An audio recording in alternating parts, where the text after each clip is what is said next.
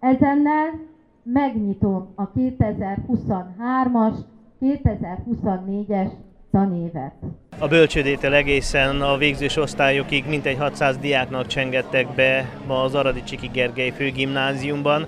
Milyen érzés megnyitni egy tanévet, különösen annak egyében, hogy idén a centenáriumát ünnepli az iskolaépület, Spír Tünde iskolaigazgató.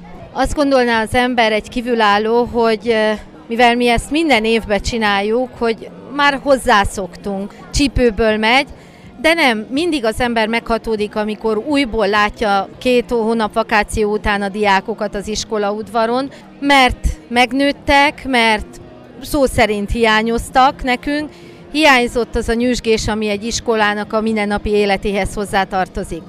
Persze ez a meghatottsághoz hozzájárul az is, hogy idén, októberben fogjuk ünnepelni iskolánk századik születésnapját, és az ember azon gondolkozik, hogy száz év, ez nem kicsi idő, viszont az itt lévő szülőknek egy része, vagy a nagyszülőknek egy része ebből a száz évből a negyedét vagy felét már látta, akkor reméljük 125 éves vagy a 150 éves évfordulón is ugyanilyen lelkesen fognak diákok, szülők eljönni az első iskolai évre.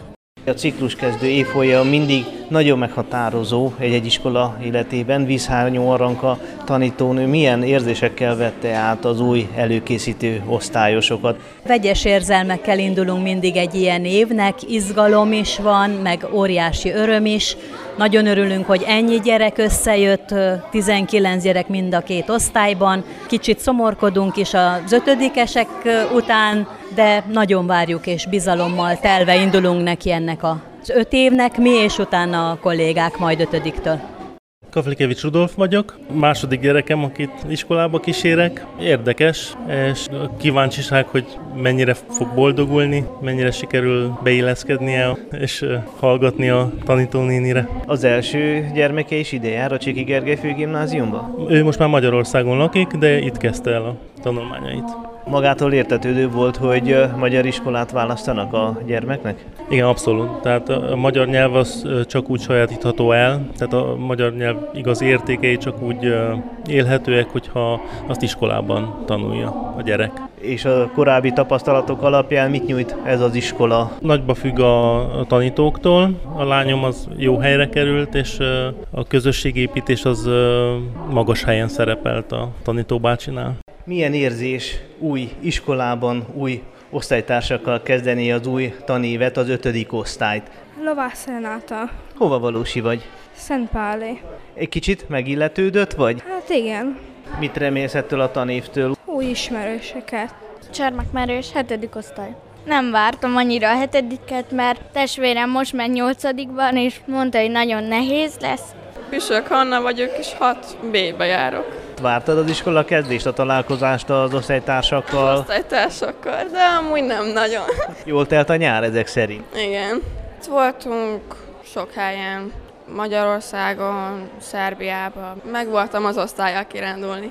Arad megye szerte hány uh, magyar iskolásnak csengettek uh, ma be Barbóc Izabella, Arad megye főtanfelügyelő helyettese? Összesen 2110 gyermek léphettem át a magyar intézmények, vagy tagozatok, vagy akár óvodák küszöbét. 32 bölcsödésünk, 640 óvodásunk, és az előkészítőben Arad megye szinten 164 diák léphette át ma az iskolák küszöbét. Az előző tanévhez képest egy enyhe növekedést tapasztaltunk, úgy a bölcsödék szintjén, hiszen a Pécskai kettes számú általános iskolának is megnyílt a bölcsödéje, tehát ott már mindenképp jelentkezett egy növekedés a bölcsödei szinten, és az előkészítő iskolába való iratkozásnál is tapasztalunk egy enyhe növekedést. Arad megye szerte hat iskolabusz kezdte meg a tevékenységét mától. A Magyar Állam, illetve a Rákóczi Szövetség támogatásának köszönhetően ez nagy segítséget jelent a magyar oktatási hálózat számára? óriási segítséget jelent, hiszen olyan településeink vannak, ahol nincs, vagy már megszűnt a magyar tagozat, vagy a magyar iskola, ezért a szülők nagyon örültek annak, hogy gyermekeiket biztonságban eljuttathatjuk a magyar iskolákhoz.